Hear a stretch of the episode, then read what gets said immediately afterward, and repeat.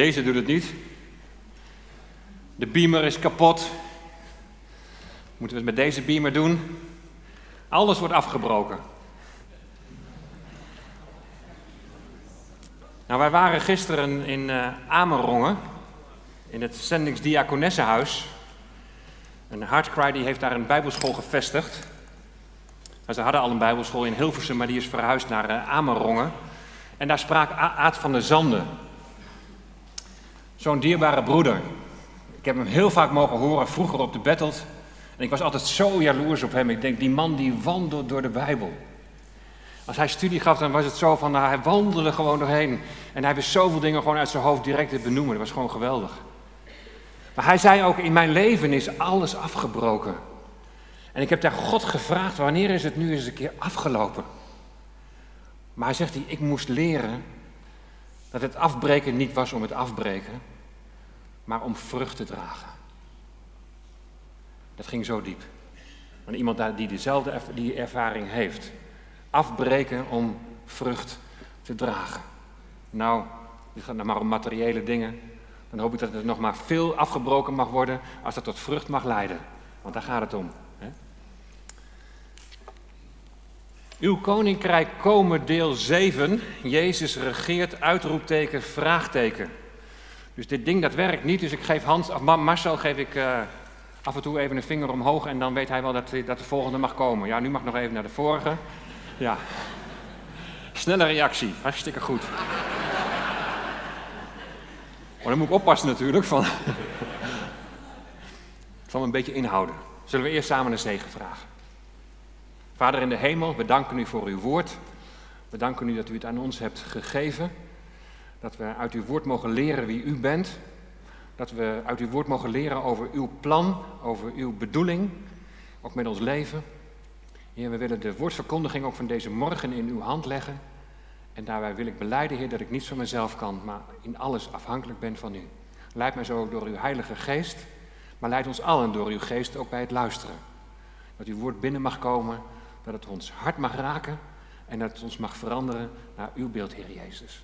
Dat is ons verlangen. In Jezus' naam. Amen.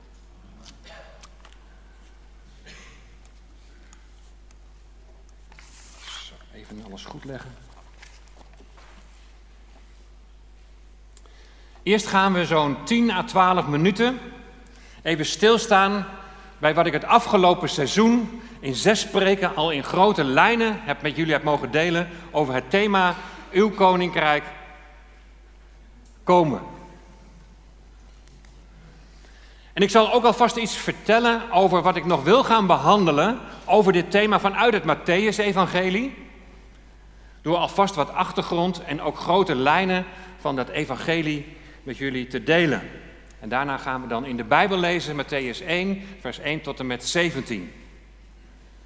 Nou, ik heb voor de vakantie het thema Uw Koninkrijk komen belicht vanuit het Bijbelboek Handelingen. Vlak voor zijn hemelvaart die aan het begin van het boek Handelingen wordt beschreven, onderwijst de Heer Jezus zijn discipelen na zijn opstanding nog steeds over de dingen van het koninkrijk. En ze vragen dan aan Jezus, wanneer zal dit koninkrijk voor Israël komen? Er wordt dus heel duidelijk een link gelegd tussen het koninkrijk en Israël. En Jezus die zegt dan ook niet tegen zijn discipelen dat ze dat verkeerd zien, dat koninkrijk voor Israël. Maar hij zegt dat moment dat dat zal aanbreken, dat koninkrijk voor Israël, dat is aan de Vader. De Vader die zal beslissen wanneer. Oh nee, dit. De grote lijn die ik heb aangegeven is het koninkrijk voor Israël dat hier op aarde nog zal komen straks als de Heer Jezus weerkomt. Als zijn voeten zullen staan op de olijfberg, hè, zoals de profeet Zacharia dat zegt. Jezus die zal dan regeren vanuit Jeruzalem. En zijn shalom, zijn vrede, die zal uitgaan over deze wereld. En aan de vrede zal geen einde komen op de troon van David. En dat kunnen we lezen in Jesaja 9, vers 6. Een nakomeling van David zal op die troon plaatsnemen en die zal regeren. De Messias, de Heer Jezus Christus. En de volkeren die zullen dan optrekken naar Jeruzalem om onderwezen te worden. Want uit Sion zal de wet uitgaan en het woord van de Here uit Jeruzalem. Micha 4, vers 2. Voor de wet staat Torah. En Torah betekent onderwijzing. Dus er zal een onderwijzing van God uitgaan vanuit Jeruzalem. Over deze wereld. En de volkeren zullen komen. Nou, dat is het begrip koninkrijk wat de toekomst betreft. De uitdrukking uw koninkrijk komen kennen we uit het Onze Vader. onze Vader die in de hemelen is, uw naam worden geheiligd, uw koninkrijk komen. Dit is het koninkrijksgebed voor Israël. De verwachting van het koninkrijk is immers allereerst Israëls verwachting. En je kunt het ook vertalen zoals de nieuwe Bijbelvertaling dat doet. Laat uw koninkrijk komen. Laat het aanbreken. Daar spreekt een verlangen uit, een uitzien. Waarom zijn ook wij zo enthousiast over dat komende koninkrijk? Maar dan moet je het onze Vader verder gaan bekijken, verder bidden. Want dan bid je uw koninkrijk komen. Uw wil geschieden, zoals in de hemel, zo ook op de aarde. En dat is het kenmerk, dat is het fantastische van het koninkrijk van God. Als dat koninkrijk aanbreekt namelijk, dan gaat Gods wil gebeuren. Dan krijg je een stukje hemel op aarde. Zijn wil geschieden zoals in de hemel, zo ook op de aarde. En de wat ouderen onder ons, misschien de 40-plussers of de 50-plussers, die kennen misschien nog wel dat lied. Daar ruist langs de wolken een lieflijke naam. En dan zingen we, die, die hemel en aarde verenigt tezamen. Zoals in de hemel, zo ook op de aarde. Zoals het in de hemel is, zal het op de aarde zijn. Het wordt bijeengebracht in Jezus Christus. Is dat niet iets om heel enthousiast over te worden? Is dat niet iets om enorm naar uit te zien? Want als Gods wil gaat gebeuren, dan zal er vrede zijn. Dan zal er liefde zijn onder de mensen. Hoe heerlijk zal dat zijn? Iedereen heeft liefde nodig, hebben we in het eerste, eerste lied gezongen. En dan zal er geen onrecht meer zijn, dan zal er geen pijn meer zijn, dan zal er geen verdriet meer zijn. Dan zal er geen ziekte meer zijn.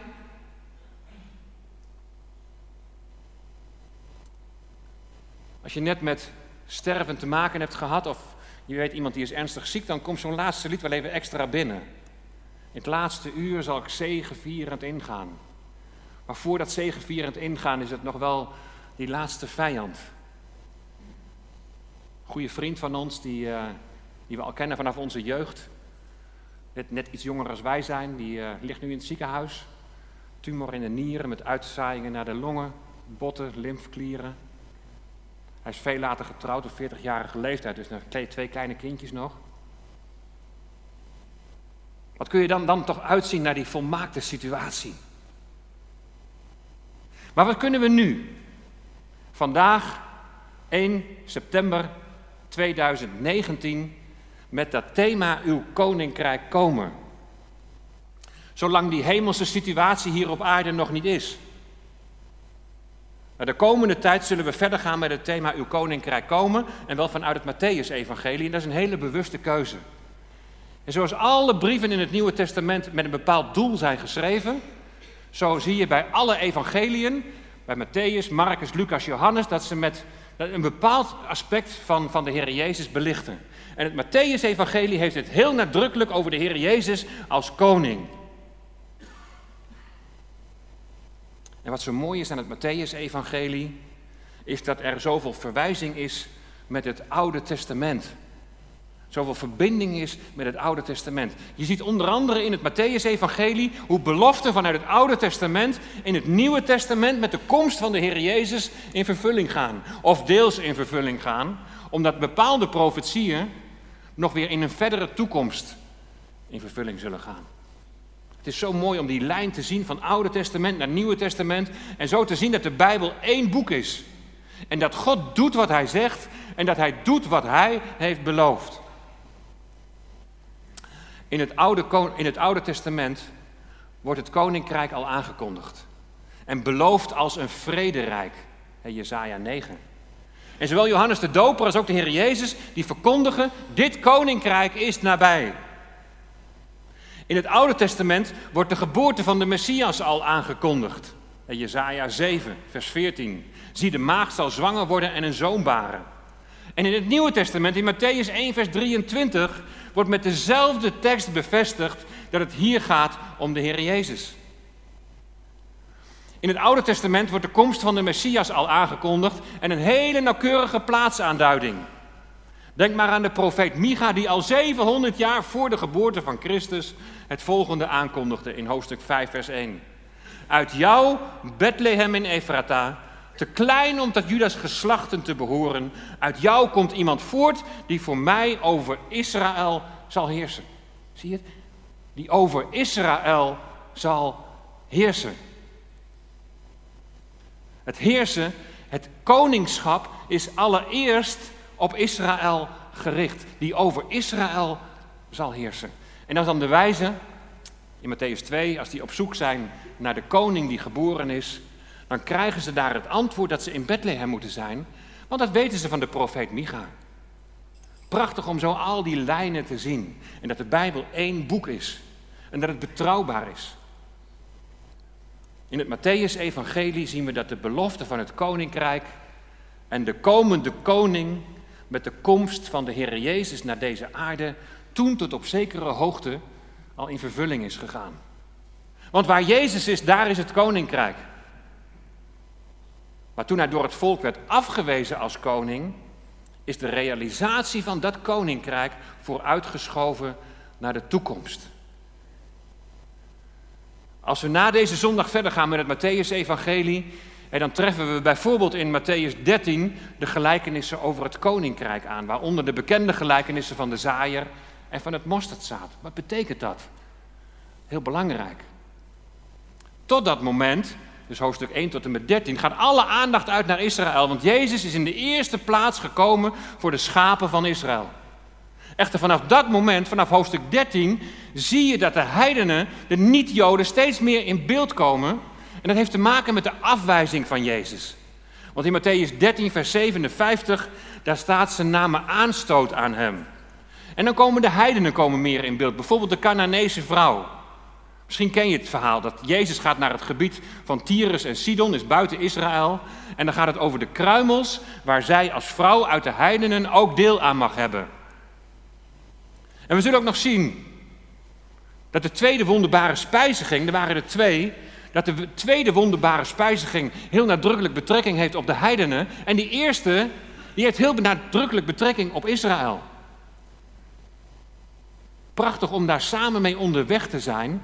En niet alleen maar om daarmee ook kennis op te slaan, gewoon het woord van God goed te begrijpen, maar het heeft ook gevolgen hoe je de rest van de Bijbel en hoe je allerlei dingen uitlegt. Dus daar gaan we het komende seizoen mee bezig. Jezus die bereidt de mensen voor op een troonswisseling. Want het koninkrijk is nabij. Uw koninkrijk komen. Hij bereidt de mensen voor dus voor op een troonswisseling. En dan de, de discipelen die worden als het ware als herauten vooruitgestuurd. Maar we hebben het net gezongen. Het ging zo even door mij heen. Vol van kracht getuigen wij. Nou, dat was de roeping voor het volk Israël. Maar diezelfde roeping hebben wij ook. Maar toen ik het zo aan het zingen was, toen dacht ik bij mezelf: doe ik dat ook? Ja, vanmorgen. Maar doe ik dat ook in mijn leven? Vol van kracht, de kracht die God geeft, getuigen van wie Jezus voor jou is. Ze worden als herauten erop uitgestuurd. En nadat de discipelen eerst Jezus van dichtbij volgden, worden ze uitgezonden en krijgen ze volmacht, krijgen ze autoriteit om in Jezus' naam te verkondigen en ook om in Jezus' naam te handelen. En ze genezen mensen, ze drijven boze geesten uit, allemaal kenmerken van dat koninkrijk. Ze krijgen macht om te binden, macht om te ontbinden. Nou, we zullen in de loop van deze serie gaan zien wat dit allemaal betekent. Degenen die naar Israël zijn geweest, naar Caesarea Philippi, daar heb ik al iets over dat binden en ontbinden mogen vertellen. Die waren gelijk enthousiast en zeiden, dat moet je ook een keer over preken. Nou, dat gaat komen. En de vraag die we ons dan zullen stellen is of wij als discipelen van Jezus nu dezelfde volmacht hebben als de discipelen van Jezus toen. Wij zijn niet het koninkrijk. Onlangs eh, kreeg ik een boekje van, van Emiel. Een hartstikke mooi boekje over een kerk die kan. En daar staat een beschrijving in hoe alles zo, zo functioneert in Assen zoekt. En heeft heel veel overeenstemming ook met, met Zuid zoekt. En daar staat hetzelfde in. Wij zijn, wij zijn niet het koninkrijk. Een boekje dat tot nadenken stemt over de kerk in deze tijd. Maar wij zijn niet het koninkrijk, schrijven ze daar. Ze zeggen zelfs het volgende: Wij zijn niet het koninkrijk, maar de kerk, de gemeente van Jezus Christus, is een belangrijk voorproefje of oefenruimte voor het koninkrijk. Want de gemeente is de plek waar de waarden en principes ervaren kunnen worden van de Heer Jezus, waar ze met vallen en opstaan in praktijk worden gebracht. We gaan al iets van het koninkrijk ervaren en laten zien door te doen wat Jezus deed. Want we willen zijn karakter weerspiegelen. We hebben lief. We kijken door de ogen van Jezus naar andere mensen. We komen op voor de zwakkeren. We komen op tegen onrecht, et cetera, et cetera. Maar is doen wat Jezus deed ook wonderen en tekenen doen?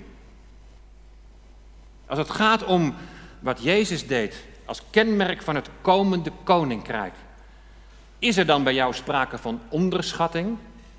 Laat je wellicht schatten, mogelijkheden liggen, omdat je niet ten volle beseft welke autoriteit je in Christus hebt ontvangen?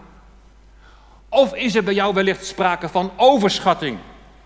En eigen je je iets toe dat je helemaal niet toekomt? Best wel goed, denk ik, om daar eens over na te denken. Kun je die autoriteit van die twaalf discipelen toen zomaar toepassen op jezelf als discipel van Jezus in 2019? Wat zegt de Bijbel daarover? Nou, laten we samen de komende tijd op ontdekkingstocht gaan en dit alles rustig opbouwen vanuit het begin van het Matthäus-evangelie. En dan zullen we allereerst zien wat Gods plan met Israël was en is. Het is eerst de Jood en dan de Griek. Maar ook al gaat het eerst over Israël, we zullen iedere keer zien dat er een toepassing is te maken naar de praktijk van jouw dagelijkse leven met God. Maar we gaan vandaag beginnen met een geslachtsregister, met een stamboom, de eerste 17 versen van Matthäus, hoofdstuk 1. En daar lezen we in het eerste vers. Het geslachtsregister van Jezus Christus, de zoon van David, de zoon van Abraham. Dat is eigenlijk gelijk het centrale vers waar ik stil bij wil staan. In vers 17, daar staat dan de verdeling al de geslachten dus van Abraham tot David, dat zijn veertien geslachten. En van David tot de Babylonische ballingschap zijn veertien geslachten. En van de Babylonische ballingschap tot Christus zijn veertien geslachten. En dan zie je daar de veertien van Abraham tot en met David. Abraham, Isaac, Jacob, nou enzovoorts, enzovoorts. En bij de volgende zie je dan het rijtje van de Babylonische ballingschap, nee, van David tot de Babylonische ballingschap. Ook weer veertien. En tenslotte de laatste, de Babylonische ballingschap tot de Heer Jezus Christus.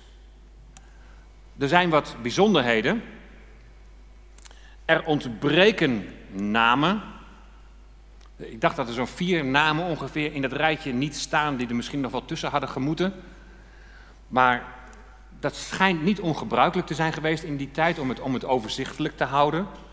En misschien hadden ze ook wel een bepaald idee bij die veertien om dat uh, voor elkaar te krijgen. Er zijn nog een paar bijzonderheden.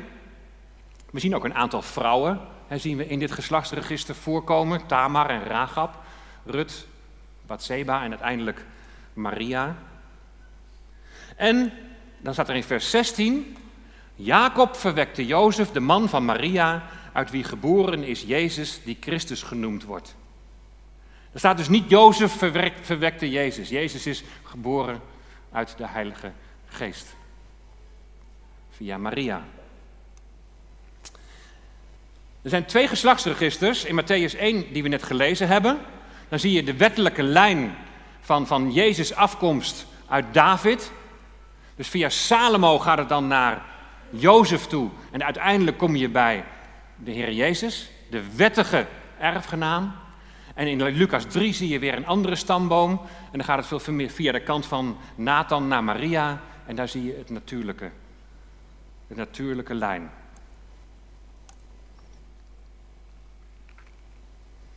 Dat is het schriftgedeelte. Uw koninkrijk komen. Ik kan me niet meer alles nog van 35 jaar geleden herinneren. Jullie denk ik ook niet. Maar één heel bijzonder voorval wel. En het kan zijn dat ik het al eens een keer heb verteld. Maar misschien was je die zondag er niet of je bent het vergeten. Of, um, nou ja, herhaling kan ook geen kwaad. Maar het is een getuigenis van hoe God op het juiste moment voorziet. En geeft wat je nodig hebt om Hem te kunnen dienen. 35 jaar geleden, zo ongeveer, vroeg de dominee mij. We zaten toen in de Unie-Baptistengemeente in Deventer. En hij vroeg aan mij of ik de Bijbelstudie voor de jeugd wilde overnemen. De leeftijd was zo van 15 tot 18 jaar. Ik was zelf 19.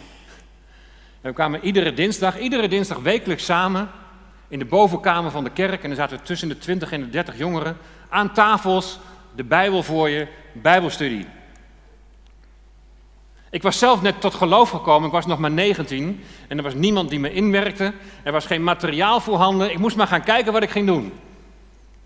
Als jong gelovige. Het verlangen lag er wel, maar ik, dacht, ja, maar hoe? In die tijd hielp ik mijn vader. En mijn vader die had een schoonmaakbedrijf en een glazenwasserij. En op een gegeven moment hielp ik hem en we waren in de straat waar ook de kerk is, de binnensingel in Deventer. Daar stonden een paar grote herenhuizen en waren bij een zo'n herenhuis waren wij ramen aan het wassen. En die mevrouw die riep ons binnen en vroeg of wij een kopje thee wilden. Nou ja, graag. Dus we kwamen zo aan de praat. En toen kwam het gesprek op de een of andere manier kwam het op de kerk. En toen zei ze van, ja, voor mij hoeft de kerk niet meer. Maar ik geloof wel. Maar heb jij misschien nog belang bij een aantal bijbelstudieboekjes? En toen kwam ze met een hele stapel bijbelstudieboekjes aanzetten. Dus ik ging met een heleboel bijbelstudieboekjes ging ik weg. En God voorzag op het juiste moment voor materiaal. Want ik had geen idee hoe ik het moest aanpakken. En die mevrouw, die zat de volgende zondag in de kerk en die is nooit meer weggegaan. God voorzag op het juiste moment voor allebei. En dat was zo bijzonder om dat mee te maken. En toen keek ik in die boekjes en toen kwam ik een boekje tegen. Nou, een boekje. Dat was toen nog hè, allemaal gewoon getypt. En dan werd het, daarna werd het gestenceld. En daar stond boven het evangelie van Matthäus. En dat gaat over de eerste drie hoofdstukken van het Matthäus-evangelie. En daar wordt dan ook een uitleg gegeven over dat geslachtsregister. En ik heb waarschijnlijk gedacht van, nou ja, Matthäus is het eerste Bijbelboek van, van het Nieuwe Testament, laat ik daar dan maar beginnen. Ik heb geen idee meer wat ik daarover gezegd heb. Maar ik weet nog wel, toen we begonnen, dat ik direct een opmerking kreeg van de dochter van de dominee. En die dochter van de dominee die zei van, waarom houden we ons hier eigenlijk mee bezig? En ik had geen idee wat ze, wat ze bedoelde. Maar ze zei, in de Bijbel staat dat je je niet met geslachtsregisters bezig moet houden, maar dat je je daar verre van moet houden. Nou, dat is een lekker begin. Als je zo voor de eerste keer een Bijbelstudie mag doen. Dus ja, wat geef je dan als antwoord? En met de kennis van nu zou je kunnen zeggen van nou, dat Paulus, wat Paulus met die eindeloze geslachtsregisters bedoelt, dat heeft iets te maken met een of andere afgodische praktijk van de heidevolken rondom. Maar wat ik toen als antwoord gaf was van als, als dat geslachtsregister niet belangrijk was, dan zou het ook niet opgenomen zijn in de Bijbel. En zo is het natuurlijk ook. Dus we hebben het wel behandeld. En wat is dit een belangrijk Bijbelgedeelte? Je moet bedenken dat de evangelisten achteraf het evangelie hebben beschreven. En Matthäus kiest er dan voor om eerst te beschrijven wat Jezus is, wat zijn, wie Jezus is, wat zijn afstamming betreft. En hij zet hier direct mee de toon om wie het gaat. De eerste ontmoeting met Jezus. Wie is hij? 400 jaar is het stil geweest. Het volk Israël heeft de stem van God bij monden van de profeten niet gehoord. In die tussentijd is er wel een groeiende messiasverwachting. Het beloofde herstel en en de beloofde bloei naar de ballingschap in Babel, die bleef uit. En de verwachting nam meer en meer toe dat alleen de Messias daarin verandering zou kunnen brengen. Maar het is lang stil. Is de Heere God hen vergeten? En dan komt Jezus, geboren in Bethlehem. God doet wat hij zegt en wat hij belooft. 700 jaar daarvoor al, weet je nog, bij Micha. Maar is hij ook uit het geslacht van David? Want dat is een belangrijke voorwaarde. In 2 Samuel 7 wordt immers aan David een nakomeling beloofd en krijgt hij de belofte van een eeuwigdurend koningschap. Is hij het? En Matthäus die beschrijft wie Jezus is en toont hier aan dat hij uit het geslacht van David is.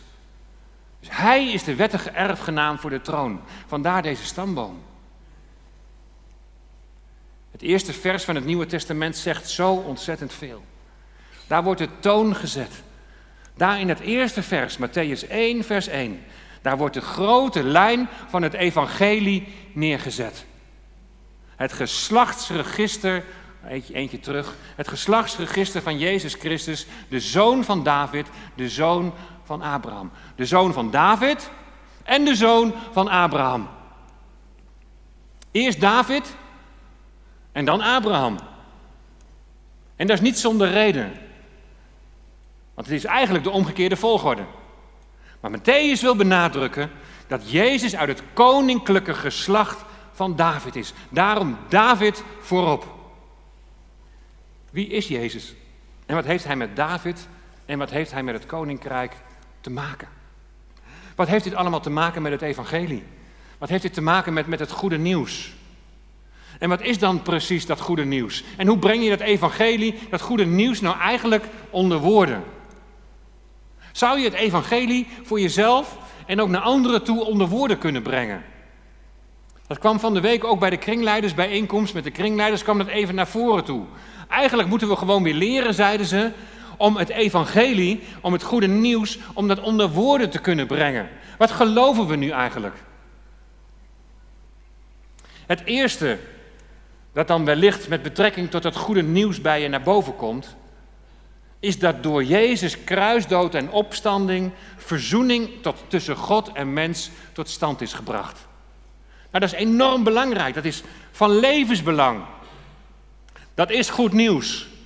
Dat is onze enige weg tot redding en behoud. Waarom verzoening? Daar moet je dan nog wel een uitleg aan geven. Weet je, dat is de lijn van Abraham. Die zijn zoon moest offeren, maar God voorzag in een plaatsvervangend offerlam. Zo is Jezus het offerlam geworden die in jouw plaats aan het kruis is gegaan door jouw straf voor de zonde te dragen. Maar David, de lijn van David staat voorop. Eerst zoon van David, dan zoon van Abraham. En met Jezus, de koning, de zoon van David, de leeuw van Juda, zet je die verzoening in het juiste perspectief. Door dat grote plaatje van Jezus koningschap wordt duidelijk waarom die verzoening nou eigenlijk noodzakelijk is. Jezus koningschap betekent dat de overste van deze wereld, de Satan, aan de kant wordt gezet. Jezus koningschap betekent herstel van deze schepping. En Jezus koningschap betekent mensen met God verzoenen, die dan getrokken worden uit de duisternis, van onder de invloed van Satan weg naar het licht. Mensen komen onder de liefdevolle heerschappij van koning Jezus. Maar zonder verzoening zal Jezus niet koning zijn over ons leven. Want zonder verzoening heeft de koning geen onderdanen. Waar het uiteindelijk om gaat is dat Jezus regeert. Dat uiteindelijk God regeert. Over deze schepping, over deze wereld, over jou en mij. Dat is uiteindelijk het evangelie. Dat is het goede nieuws. Marcus die begint zijn evangelie met dit is het evangelie. En ik heb al vaker gezegd, als je de evangeliën leest, dan moet je in de huid kruipen van een eerste eeuwse Jood. En als die eerste eeuwse Jood hoort, dit is het evangelie, dan moet je dus bedenken van, als hij hoort het woordje evangelie, welk lampje gaat er dan bij hem branden? Heeft hij dan enige betekenis bij dat woord, evangelie? En dan uit het Oude Testament, want hij beschikt alleen maar over het Oude Testament, over de Tenach. Daar kent hij met name vanuit de profeet Jezaja, kent hij dat woord evangelie, dat goede nieuws. Het staat zelfs in relatie tot een hele belangrijke periode die ook in, deze, in dit geslachtsregister wordt genoemd. De Babylonische ballingschap. Het volk was weggevoerd uit Jeruzalem naar Babel, het huidige Irak. En dan zie je in relatie tot die periode in Jezaja 40 vers 9, eentje terug. Je ziet in Jezaja 40 vers 9, 52 vers 7, 60 vers 6, 6 vers 1, zie je datzelfde woordje evangelie. Dus als de eerste Jood hoort, dit is het evangelie, dan is het van, hé, hey, wacht even. Dat woord, dat ken ik. Dat ken ik vanuit de Tenach. Ik weet dat het in relatie staat met de ballingschap. En dat die teksten allemaal een aankondiging zijn van die ballingschap is voorbij. En God wordt koning. Dat is het evangelie. Wat uit die teksten allemaal blijkt is dat God van alle vijanden wint. En dat hij koning wordt. Dat is het evangelie. Dat is het goede nieuws. En als je zegt dat God koning wordt, dan bedoel je daarmee dat Gods wil gaat gebeuren. Dat Hij zijn plannen realiseert, dat het uiteindelijk dus allemaal goed gaat komen. Uw koninkrijk komen, uw wil geschieden, zoals in de hemel, zo ook op de aarde. Dat is het vooruitzicht. In Jesaja 52, vers 7, daar zie je de relatie tussen goed nieuws en je God is koning.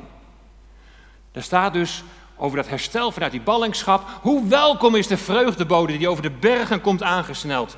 Die vrede aankondigt en goed nieuws, evangelie brengt. Die redding aankondigt en tegen Sion zegt, je God is koning. Dat is het goede nieuws. Dat is het evangelie. Je God is koning. En dan zijn er vele teksten in het Oude Testament die duidelijk maken dat, dat God zijn volk op de plek zal brengen waar ze thuis horen in Israël. En dat de Messias koning zal zijn en dat dan Gods wil doordringt. De Joden in Jezus' tijd die verwachten dus concreet dat ze zich eindelijk thuis zullen voelen. God zal de vijanden verslaan.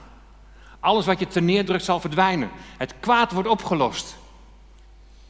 Concreet dachten zij toen aan de Romeinse legers, die hun land al een eeuw bezetten en die hen onderdrukten. Er zal een troonswisseling komen. God zal in plaats van de Romeinen komen. Een nieuw rijk zal aanbreken, gewoon in Israël. En een nakomeling van hun grote koning David zal dan regeren. Nou, dat deze verwachting ook terecht is, en dat dit inderdaad het goede nieuws is, bevestigt Jezus zelf in Marcus 1, vers 14. De tijd is aangebroken dat het koninkrijk nabij is. Kom tot inkeer en hecht geloof aan dit, dit goede nieuws. Hecht geloof aan dit evangelie. Dat het koninkrijk zal aanbreken en dat je God koning zal zijn. Dat is allereerst het evangelie. Hecht geloof aan dit goede nieuws dat het koninkrijk van God nabij is. Binnenkort wordt hij gekroond. Hij zal regeren. Dat is de boodschap. En die troonswisseling betekent echter allereerst dat de overste van deze wereld, de Satan, dat hij van zijn troon gestoten zal worden. En bij de eerste preek die we van de Heer Jezus kennen, dan citeert hij een van deze goed nieuwsteksten. Bij Jezus' eerste preek. Zijn eerste preek in Nazareth. Degenen die meegeweest zijn in Israël, die kunnen zich dat misschien nog herinneren. Nazareth Village zijn we geweest, waar alles een beetje nagebouwd is in de tijd van Jezus. Zijn we ook in een nagebouwde synagoge geweest en daar heb ik hetzelfde gedeelte mogen lezen. En Jezus zegt daar, de geest van de Heer rust op mij. Want hij heeft mij gezalfd om aan armen het goede nieuws, het evangelie te brengen, heeft hij mij gezonden. Om aan gevangenen hun vrijlating bekend te maken en aan blinden het herstel van hun zicht, om onderdrukten hun vrijheid te geven, om een genadejaar van de Heer uit te roepen. En dan onderbreekt hij de zin, want eigenlijk gaat de zin in, in Jezaja nog verder. Want daar staat er, en een dag van wraak voor onze God. Maar daar is nu nog geen sprake van. Die dag is nu nog niet aan de orde. Maar de rest gaat al in vervulling als Jezus dit leest. Want waar Jezus is, daar is het koninkrijk.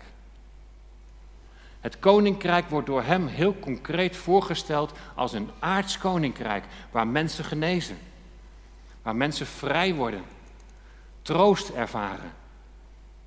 Jezus koning over deze aarde, regerend vanuit Jeruzalem. Zijn wil zal geschieden, gelijk in de hemel, zo ook op de aarde. Die hemel en aarde verenigd tezamen. Hij die vrede is, zal vrede en shalom brengen. Even terug naar het geslachtsregister. Steeds weer zijn er tussen perioden van 14 geslachten. Heeft dat een betekenis? Nou, als je bedenkt dat in dat geslachtsregister ook namen ontbreken, dan zou je denken dat het ook wel iets van betekenis heeft. Nou, daar wordt in naslagwerken wordt er van alles gesuggereerd.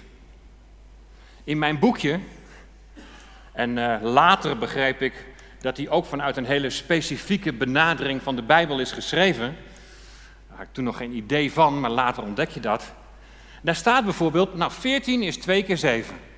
Ga mooi even rekenen. 2 betekent onder andere tegenstelling of verandering, terwijl 7 betekent volkomenheid. Dus conclusie, een volkomen verandering heeft de komst van Jezus Christus teweeggebracht. Maar ik sloeg een bladzijde om in het boekje en ik ging verder lezen. En toen was 2 ineens getuigenis. Volgende. Dan is 2 ineens getuigenis. Oh, toch niet vorige. En 7 volmaaktheid. En daar betekent 14 dat we in Jezus Christus het volmaakte getuigenis ontvangen. En dan de volgende. Dan krijg je 3 keer 14 is 42 generaties. Dat is 7 keer 6. 7 is weer de volmaaktheid. 6 is het getal van de mens. Conclusie: Jezus Christus is de volmaakte mens. Alle conclusies kloppen wel. Maar of je dat kunt afleiden uit die getallen, dat is natuurlijk nog maar de vraag. Weet je, het is prachtig hè, al die boekjes, artikelen op internet. Je kunt te kust en te keur kun je bijbelstudies beluisteren, conferenties bezoeken. Maar je komt in een oerwoud van meningen en van uitleggingen kom je terecht. Nou, er wordt in de Bijbel gewaarschuwd dat in de eindtijd er vele leraren zullen zijn die, die mensen iets verkondigen om daarmee hun, het gehoor van de mensen te strelen. En dan denk je, oh wat prachtig met die getallen. Geweldig. Zo heb ik het nog nooit gehoord. Maar is het ook bijbels? Of is er een grote mate van inlegkunde? En je legt iets in de Bijbel wat er helemaal niet staat. De betekenis van die getallen staat helemaal nergens letterlijk in de Bijbel. Dat is een interpretatie. Jezus heeft volkomen verandering gebracht. Hij is het volmaakte getuigenis van God. Hij is de volmaakte mens. Maar wat we hier vooral leren is, hij komt uit het geslacht van David en hij zal koning zijn. Dan zal hij het voor het zeggen hebben en zijn wil zal geschieden. En dan is de vraag, wat is dan voor jou en voor mij de praktische toepassing voor vanmorgen? Als christen geloof je in Jezus Christus. Je gelooft dat Hij voor jouw zonden aan het kruis is gestorven en dat Hij uit de dood is opgestaan. Dat aspect van het goede nieuws, dat maakt je dankbaar. Hij in jouw plaats. De schuld is betaald. Je bent gered. Maar dan? Het dient toch een groter plaatje. Gewoon de volgende. Vanaf dat moment wil Jezus koning zijn in je hart. En los van het feit dat dat koninkrijk straks nog komt. En hoe we dat precies allemaal zien en hoe we dat precies allemaal invullen. Nog los van de vraag welke autoriteit je van Jezus nu in 2019 wel of niet hebt ontvangen. Is de vraag Is het je verlangen dat Jezus koning is in jouw hart? Vandaar dat uitroepteken en ook dat vraagteken. Sta je toe dat Hij regeert als het gaat om jouw leven? Zeg je net als Jezus in Gethsemane, niet mijn wil, maar uw wil geschieden. Als Hij zijn wil aan jou duidelijk maakt door het woord van God, als Hij zijn wil door zijn geest aan je duidelijk maakt, wat is dan jouw reactie? Blijkt dan dat Jezus koning is. Het komende koninkrijk, de komende koning aankondigen, is niet alleen met de mond verkondigen, maar is ook dat koninklijke leven laten zien in het doen van Gods wil.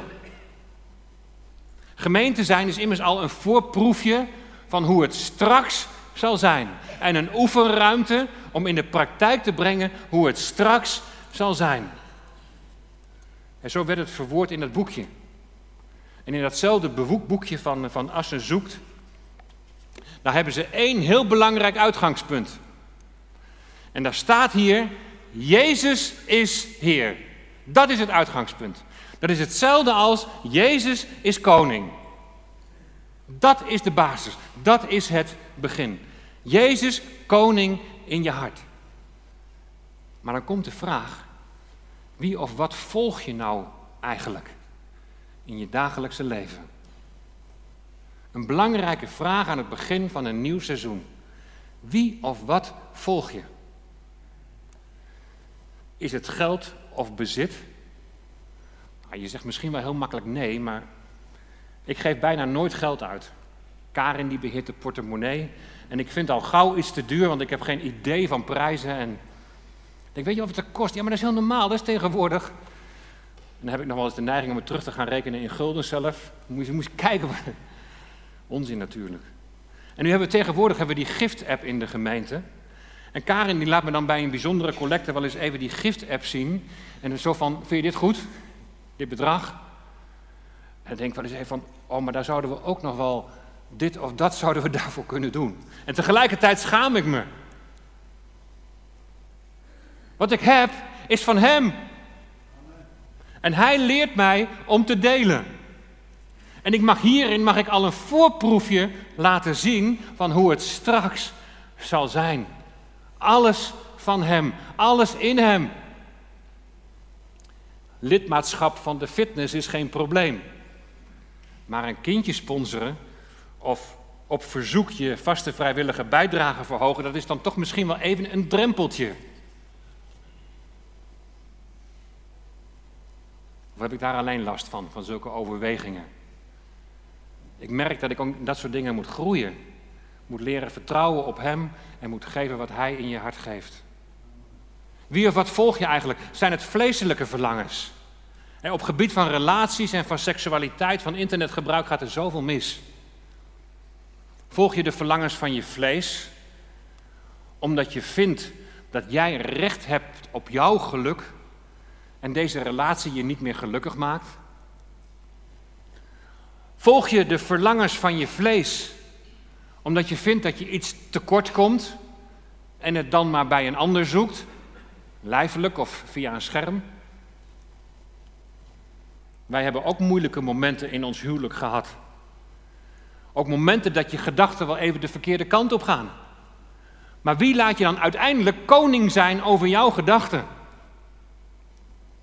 Wie of wat volg je eigenlijk? Misschien wordt je leven wel heel sterk bepaald door gewoonte. Zo hoort het te gaan. En als het anders gaat, dan ben je verslag. Terwijl langs die andere weg het Jezus is koning misschien wel veel beter tot zijn recht komt. Waar laat je je door leiden? Word je geleid door, door angst, door schuldgevoelens? En je voldoet niet aan Gods plaatje of de verwachting van mensen? Wie regeert in jou? En we leven in een tijd dat de mens autonoom wil zijn en zelf wil beslissen over zijn leven en zijn eigen keuzes wil maken.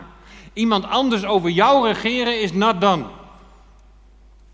Bij iemand die regeert over jou denken we al gauw aan onderdrukking. En nu heb ik het niet zelf meer in de hand. Maar dat laatste is nu juist de bedoeling. Beseffen dat je het niet zelf kunt. Jezus, de koning die in je hart wil regeren, is ook de herder die je leidt naar grazige weiden. Die je wil behoeden voor de verkeerde keuzes van het vlees. Waarvan jij denkt dat je die geluk brengt. Maar die je uiteindelijk bij God vandaan drijft, die de bron van jouw geluk wil zijn. Hij is de koning-herder die je in de vrijheid zet. De liefde, zijn liefde, zijn alles voor jou overhebbende liefde drijft de vrees uit. Jezus regeert betekent je vertrouwt op Hem. Trots en twijfel wijken door de kracht van Zijn liefde. Jezus regeert betekent alles is voor u. Alles is van u. En leiden we dan van het ene op het andere moment een perfect leven zoals God dat heeft bedoeld? Nee, dat weten we. Maar wat is de intentie van je hart? En die vraag wil ik nogmaals heel indringend stellen, zo aan het begin van dit nieuwe seizoen. We kunnen prachtig uiteenzetten hoe dat koninkrijk gaat komen. We kunnen met elkaar nadenken over welke autoriteit geeft Jezus zijn discipelen vandaag. En onderschatten we daar of overschatten we daar? Daar gaan we samen de weg in zoeken, samen in ontdekken hoe God ons daarin leidt.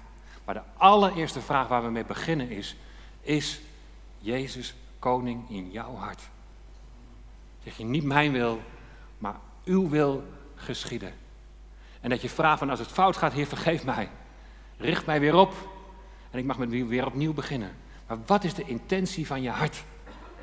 Jezus koning in alle overwegingen, in alle keuzes die je maakt. Dat wij de Here welgevallig mogen zijn. Jezus regeert betekent alles is voor u. En je ziet het hier staan. Uw wil geschieden, zoals in de hemel, zo ook in mijn hart. En als dat je hartsverlangen is, dan is het misschien goed om dat gewoon hardop uit te spreken.